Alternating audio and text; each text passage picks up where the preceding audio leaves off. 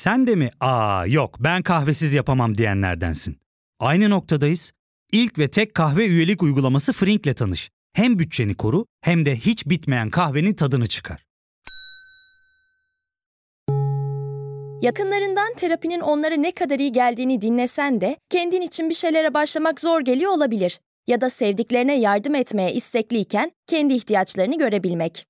Hayvel, uzman psikologlarıyla kendi ihtiyaçlarını bulmanda sana destek olacak. Terapi yolculuğuna başlamak için detaylı bilgi bölümün açıklamalarında. Bırak beni. Bırak lütfen bırak bırak lütfen. Ah ah ah. İmdat. Hiçbir yere kaçamazsınız hanımefendi.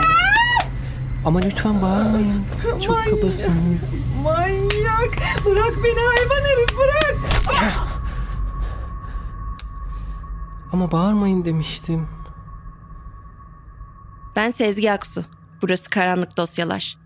Bugünkü bölümde Koca Ed olarak bilinen gelmiş geçmiş en kibar ve en acımasız seri katil Edmund Kemper dosyasını inceleyeceğiz. Ne dersiniz? Bu çelişkilerle dolu devi uyandıralım mı?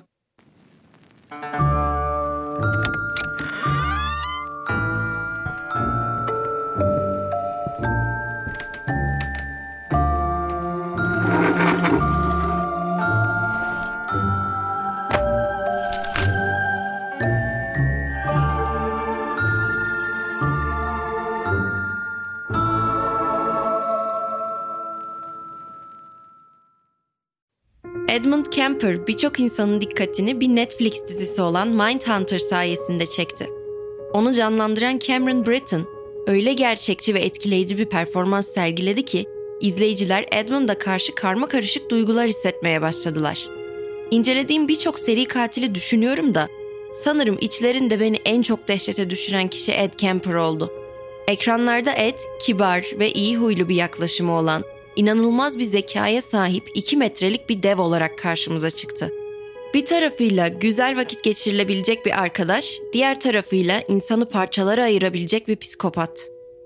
Evet, Edmund Emil Kemper III'ın gerçeği buydu.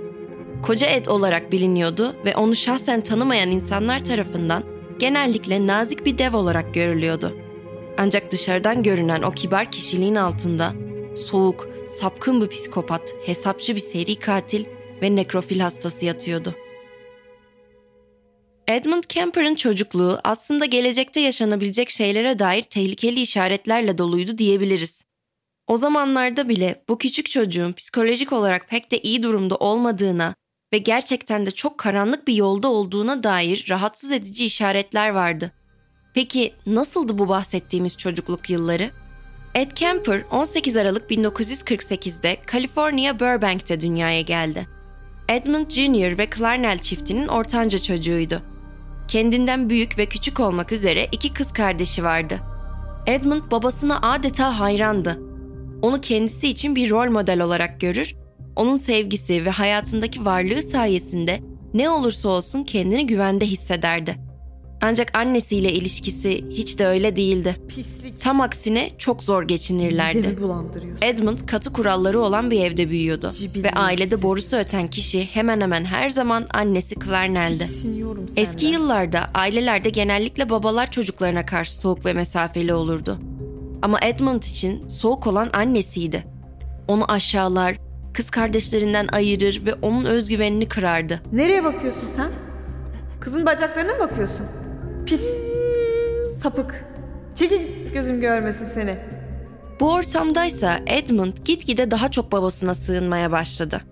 Ancak her şey zamanla onun için daha da kötüye gitti. Çünkü anne ve babası Edmund 9 yaşındayken boşandılar. Bu onu yeterince yaralamamış gibi annesi Edmund ve kız kardeşlerini de yanına alarak yaşadıkları yerden taşındı.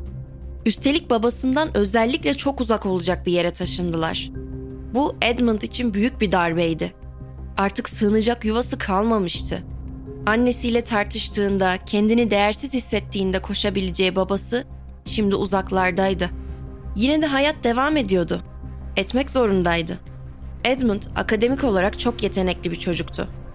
IQ'su 145'ti ve okulda başarılıydı. Ancak oldukça yalnız ve içine kapanık bir karaktere sahipti. Zaman geçtikçe de rahatsız edici ve endişelendirici bir takım davranışlar sergilemeye başladı. Sık sık tek başına oturur ve kız kardeşinin oyuncak bebekleriyle oynardı. Ancak bu normal bir oynama değildi. Edmund bebeklerin kafalarını koparmaktan ve onlarla sahte cinayet senaryoları yaratmaktan zevk alırdı. Bazen idam cezasına çarptırılmış ve elektrikli sandalyeye konulacak bir katil gibi davranırdı. Ardından elektrik çarpmış numarası yaparak ortalıkta zıplardı. Edmund'un daha sonra söylediklerine göre oyuncak bebeklerle oynadığı bu hastalıklı oyunlar zaman geçtikçe içinde bazı hisler uyandırmıştı. Artık bu mide bulandırıcı eylemleri gerçek insanlar üzerinde gerçekleştirme fantezileri kuruyordu. Bebeklerle oynamaktan sıkılması ve hayvanlara odaklanması uzun sürmedi. Bu çoğu seri katilde gördüğümüz bir örüntüdür aslında. İnsanlardan önce hastalıklı fantezilerini hayvanlar üzerinde denerler. Edmund da sık sık kedilere işkence ederdi. Bu korkunç olaylardan birinde bir kediyi diri diri gömdüğü söylenmekte. Daha sonra ise geri döndüğü ve kalıntılarıyla oynamak için zavallı hayvanı gömdüğü yerden çıkardığı. Edmund'un ergenlik yıllarında hayvanlarla kurduğu hastalıklı ilişki aile ilişkilerine de sirayet etmişti. Annesine karşı tavırları düşmanca bir hal alırken annesi de Edmund'a daha soğuk, mesafeli ve öfkeli davranmaya başladı. Kanı bozuk. Kimileri annesinin gelecekte yaşanacak şeyleri sezdiğini ve bu yüzden onu doğru düzgün sevemediğini söylüyor. İddiaya göre Edmund'un ergenlik yıllarına doğru annesi onu evin bodrumuna kilitlemeye başlamıştı. Çünkü onun kız kardeşlerine cinsel tacizde bulunmasından korkuyordu. Anne, anne, Geç, anne. geç, geç Anne, şuraya bak. anne. Gebertirim seni kızlarımdan uzak duracaksın diyorum anladın mı beni? A- Anne ben bir şey yapmadım. Sus sus seni bak gebertirim pislik kanı bozuk. Dur burada. Bu durum zamanla aile içinde adeta bir rutin haline geldi. Her gece o soğuk, karanlık ve ürkütücü bodruma gönderilmek Edmund'da sadece korku değil, aynı zamanda reddedilmişlik duygusu da uyandırıyordu. Yaşı nispeten hala küçüktü ve neden dışlandığını anlayamıyordu. Her şey onun için fazlasıyla travmatikti ve Edmund geceleri uyumakta çok zorluk çekerdi. Annesinin kız kardeşlerine çok farklı davrandığını görebiliyordu. Kendini reddedilmiş, izole ve yalnız hissediyordu. Artık canına tak etmişti. O soğuk bodrumda uyumaya çalışmaktan, annesinin onu reddetmesinden bıkmıştı. Evden kaçıp babasının yanına taşınmaya karar verdi. Ancak Edmund için bu da iyi sonlanmadı. Çünkü babasının evine vardığında orada uzun süre kalmasının bir seçenek olmayacağını anladı. Babası hayatına devam etmiş, yeniden evlenmişti. Artık yeni bir hayatı vardı. Partnerinin de bir oğlu vardı ve Edmund onunla geçinmekte zorlanıyordu. Kısa sürede durum babasının karar vermesi gereken bir hale geldi. Ya Edmund'u seçecekti ya da yeni ailesini ve yeni hayatını. Karar aslında baştan belliydi. Babası eski hayatına dair bir şey istemiyordu artık. Bu onu her geçen gün çok özleyen ve onunla güçlü bir bağı olduğuna inanan Edmund için yıkıcı bir darbe oldu. Kendini bir kez daha reddedilmiş hissederek çaresiz bir şekilde oradan ayrıldı. Ama emin olduğu bir şey vardı. Eve, annesinin yanına dönmek istemiyordu. Büyük anne ve büyük babasının evine gidip onlarla yaşamaya karar verdi. Bu onun için yeni bir başlangıç olabilirdi. Annesinden ve geçmişinden tamamen kopması için bir şanstı. Ancak Edmund kısa süre içinde fark etti ki büyük annesi de ona karşı en az annesi kadar korkunçtu. Her şey yine bir kabusa dönüşmeye başlamıştı. Her iki kadın da onu aşağılamaktan ve değersiz hissettirmekten zevk alıyor gibiydi. Edmund bu sırada 15 yaşındaydı ve her geçen gün patlama noktasına yaklaştığını hissediyordu. Yeter. Annesi yıllarca ona kötü davranmıştı. Biraz sevgi ve normallik için tek şansının babası olduğunu düşünmüş ama her şey kötüye gitmişti. Ve şimdi burada annesinin yaşlı bir versiyonuyla karşı karşıyaydı. O da Edmund'u sürekli aşağılıyordu. Sadece büyük babasıyla iyi bir ilişkisi vardı. Bir gün büyük babası bazı işleri yapmak için evden çıktı. İşte o zaman her şey doruk noktasına ulaştı. Ne geldin yine dik dik bakıyorsun ha? İşe yaramaz piç kurusu seni. Benimle böyle konuşmayın lütfen. Bak bak bak. Ekmeğimi yiyip bir de bana terbiyesizlik ediyorsun ha? Nankör. Kalk git gözüm görmesin seni. Çabuk. Ne yapıyorsun? Ne o? Ay Allah'ım saçmalama indir onu. Benimle böyle konuşmayın dedim değil mi? Kaç kere dedim üstelik. Büyük anneni mi öldüreceksin? He? Büyük anne, büyük anne altıma işedim büyük anne. Sidikli seni. Beni mi öldüreceksin? Bakın şunu yapmayın lütfen. Annen demişti. Bu nankördür. Dikkat et demişti. Yediği kaba pisler demişti. Kesin diyorum size. Bu sapıktır, pisliktir demişti. Lütfen. Susun artık. Kanı bozuktur o, mayası bozuktur demişti.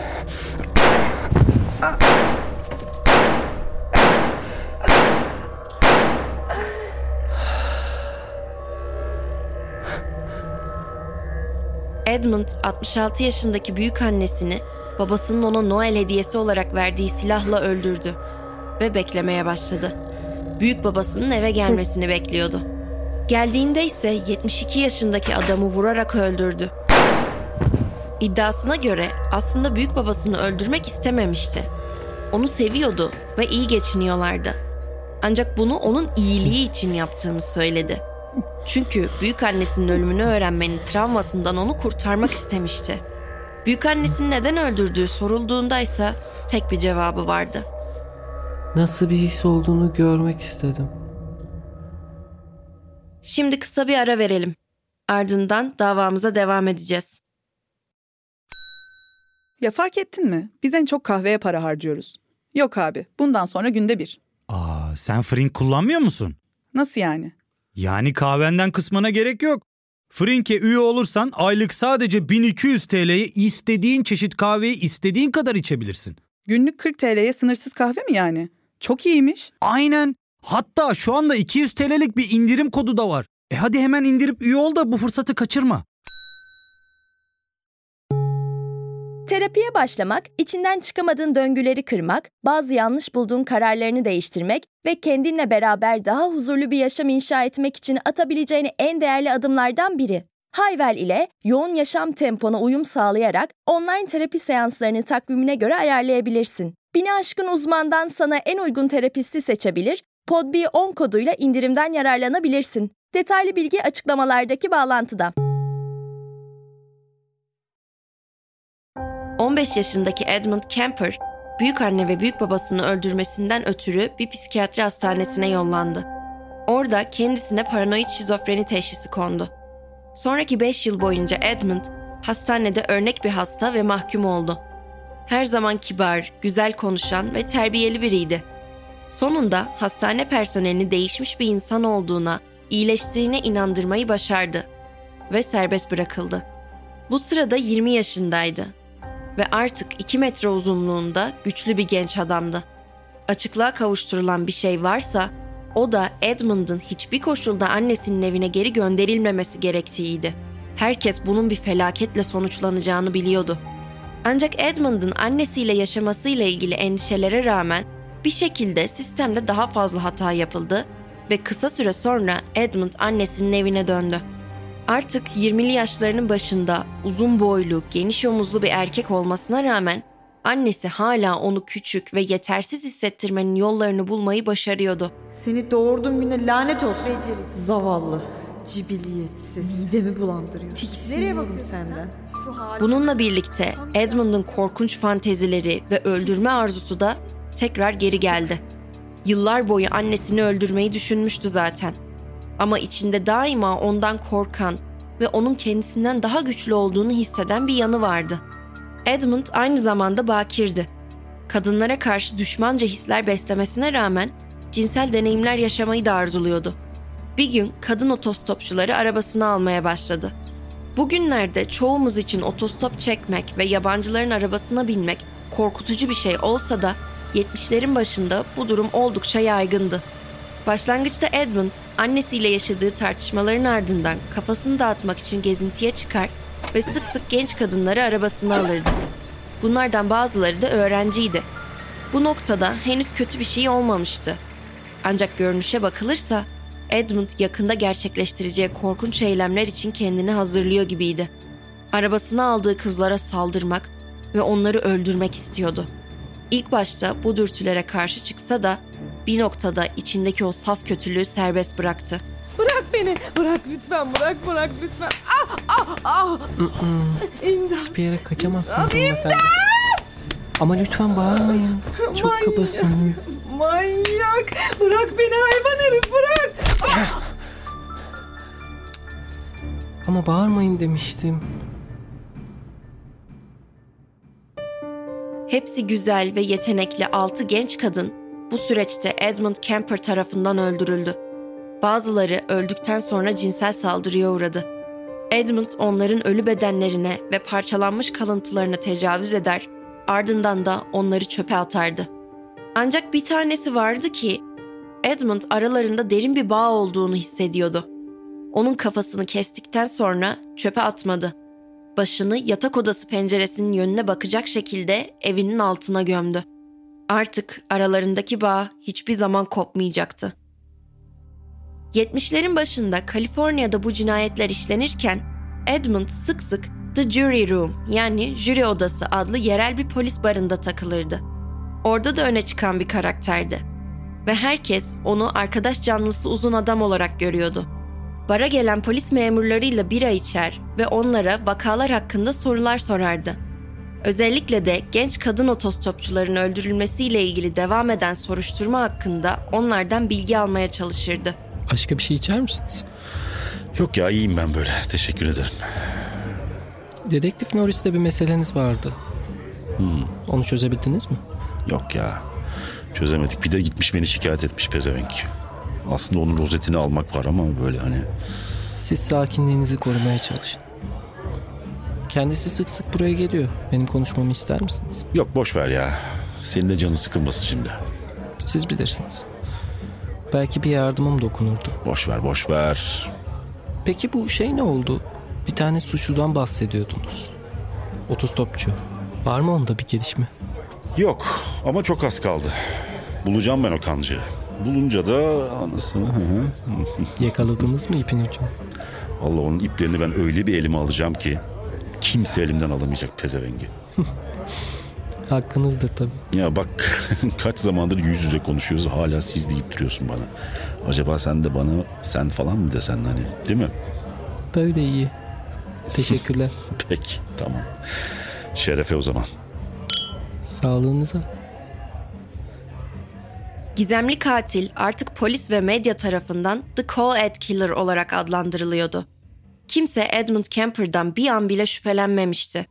Ancak bir gün mahallesine onu arayan birkaç polis geldiğinde Edmund hayatının korkusunu yaşadı. Polisler Edmund'ın silah satın aldığına dair bir bilgi aldı. Bunun ardından da büyük anne ve büyük babasının cinayetlerinin arka planı polisler arasında yeniden gündeme gelmişti. Edmund yıllar önce cezasını çekip beraat etmiş olsa da yeni bir silah aldığı bilgisi polisleri tedirgin etti. Edmund rutin bir kontrolün parçası olarak gelen polislerle her zamanki gibi sohbet etti. Onlara yardımcı oldu. Çok işbirlikçiydi. Arabasına bakmalarına izin verdi. Edmund gerçekten bir silah almıştı ve o silah arabasının bagajından çıktı. Polisler silaha el koymak istediğinde Edmund hiç problem çıkarmadan silahı teslim etti. Polisler de araçlarına binip oradan ayrıldılar. Her şey yolunda gözüküyordu. Fakat Edmund paranoyaklaştı. Polislerin kendisinin peşinde olduğunu ve silahı almanın bir tür oyun ya da bahane olduğunu düşünmeye başladı. Bundan sadece birkaç hafta sonra ise annesiyle kırılma noktasına geldi. Yine annesi onu aşağıladı. Güçsüz, beceriksiz adamın teki gibi hissettirdi. Fakat o gün Edmund'un kafasında bir şey adeta tık etti. Sanki biri bir düğmeye basmıştı. Geri dönüşü yoktu.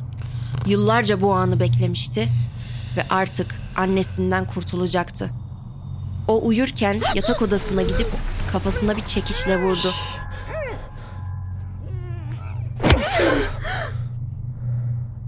Ardından boğazını kesmeye başladı. Kafasını tamamen kesip cansız bedeniyle cinsel ilişkiye girdi. Ancak henüz işi bitmemişti. Kafayı evin içinde dolaştırdı. Dilini ve ses tellerini kesti. Ardından da kafayla da bir cinsel eylemde bulundu. Daha sonra onu şöminenin rafına koydu. Kesilen kafasına dart atmaya başladı.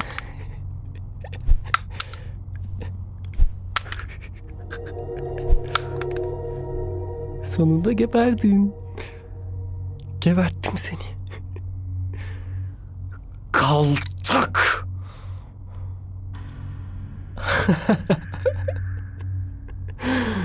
şu haline bak. Şu yüzünün gözünün haline bak. Aslında sen bundan çok daha kötüsünü hak ediyordun. Seni gebertip kurtardım. Bana teşekkür edeceksin. Beni seveceksin. Hiç sevmedin beni. Neden? Ne yaptım ben sana? Neden? Anne.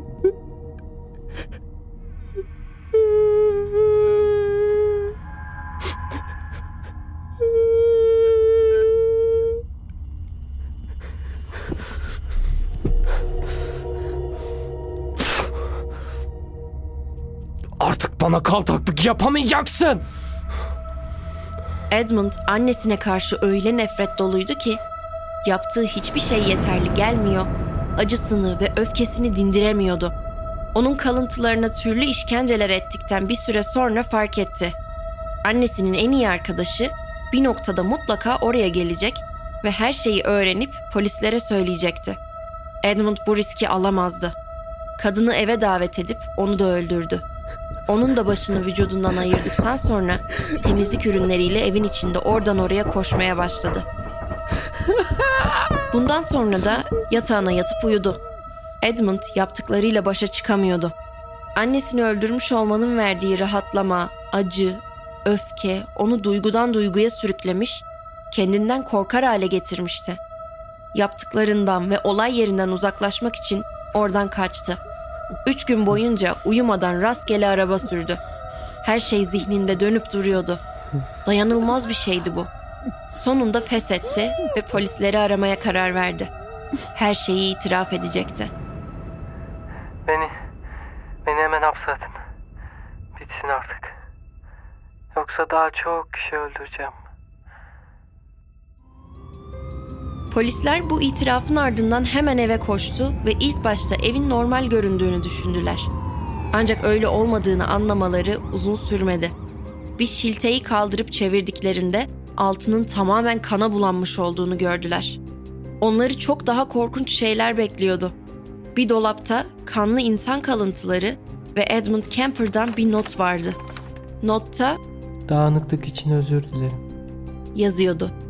Kısa süre içinde Edmund'da bulundu, tutuklandı ve karakola götürüldü.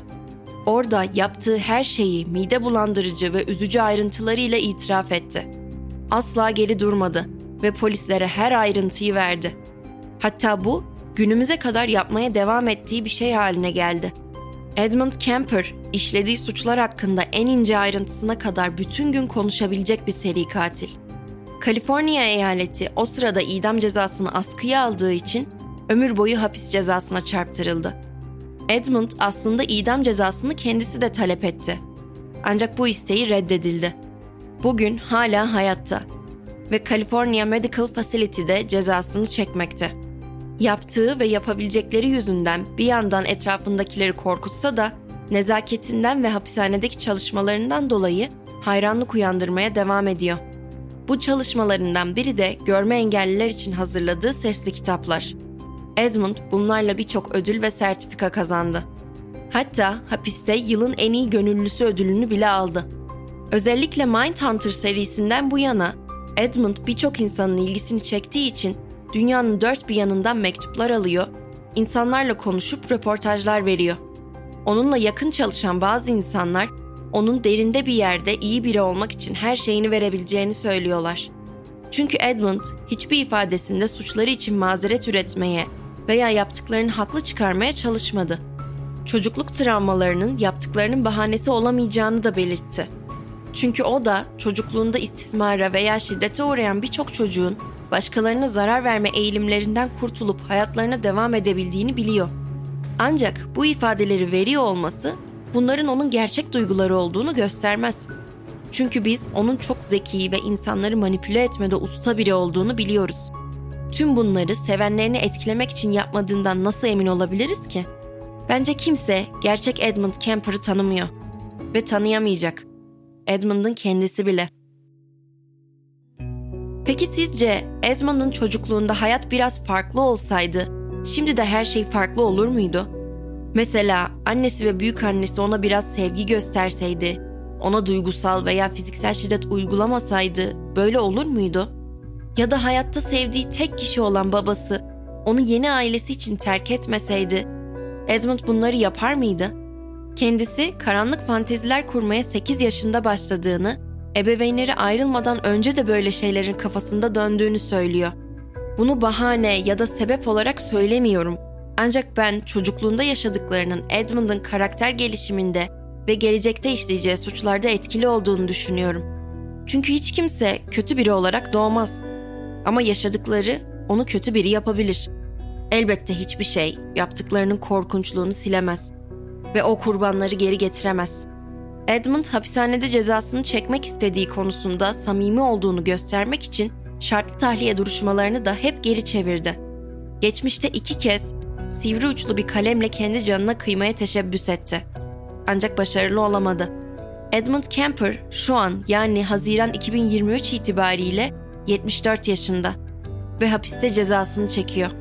Umarım kurbanları Maud, Edmund Senior, Mary, Anita, Aiko, Cindy, Rosalind, Alice, Clarnell ve Sarah en azından öldükten sonra huzura kavuşabilmişlerdir. Daha önce de dediğim gibi bu beni en çok dehşete düşüren davalardan biri. Araştırmak ve anlatmak bile bu kadar etkiliyorsa onunla hayatlarının bir noktasında karşılaşmış insanların yaşadığı korkuyu düşünemiyorum bile.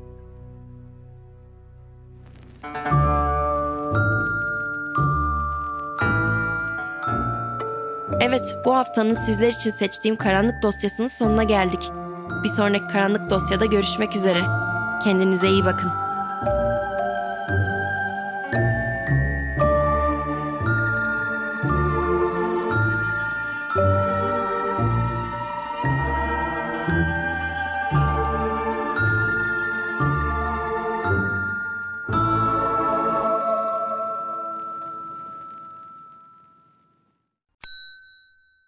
Ve tek kahve üyelik uygulaması Frink, 46 ildeki 500'den fazla noktada seni bekliyor. Açıklamadaki kodu girerek sana özel 200 TL'lik indirimden faydalanmayı unutma. Hadi sen de Frink üyeliğini başlat, kahven hiç bitmesin. Hem bugününe hem yarınına katacaklarıyla terapi yolculuğuna ve daha iyi hissetmeye bugün Hayvel ile başla. Açıklamadaki linkten Hayvel'i indir, ücretsiz tanışma görüşmelerinin ardından bütçene uygun seans paketini seç ve terapi yolculuğuna başla.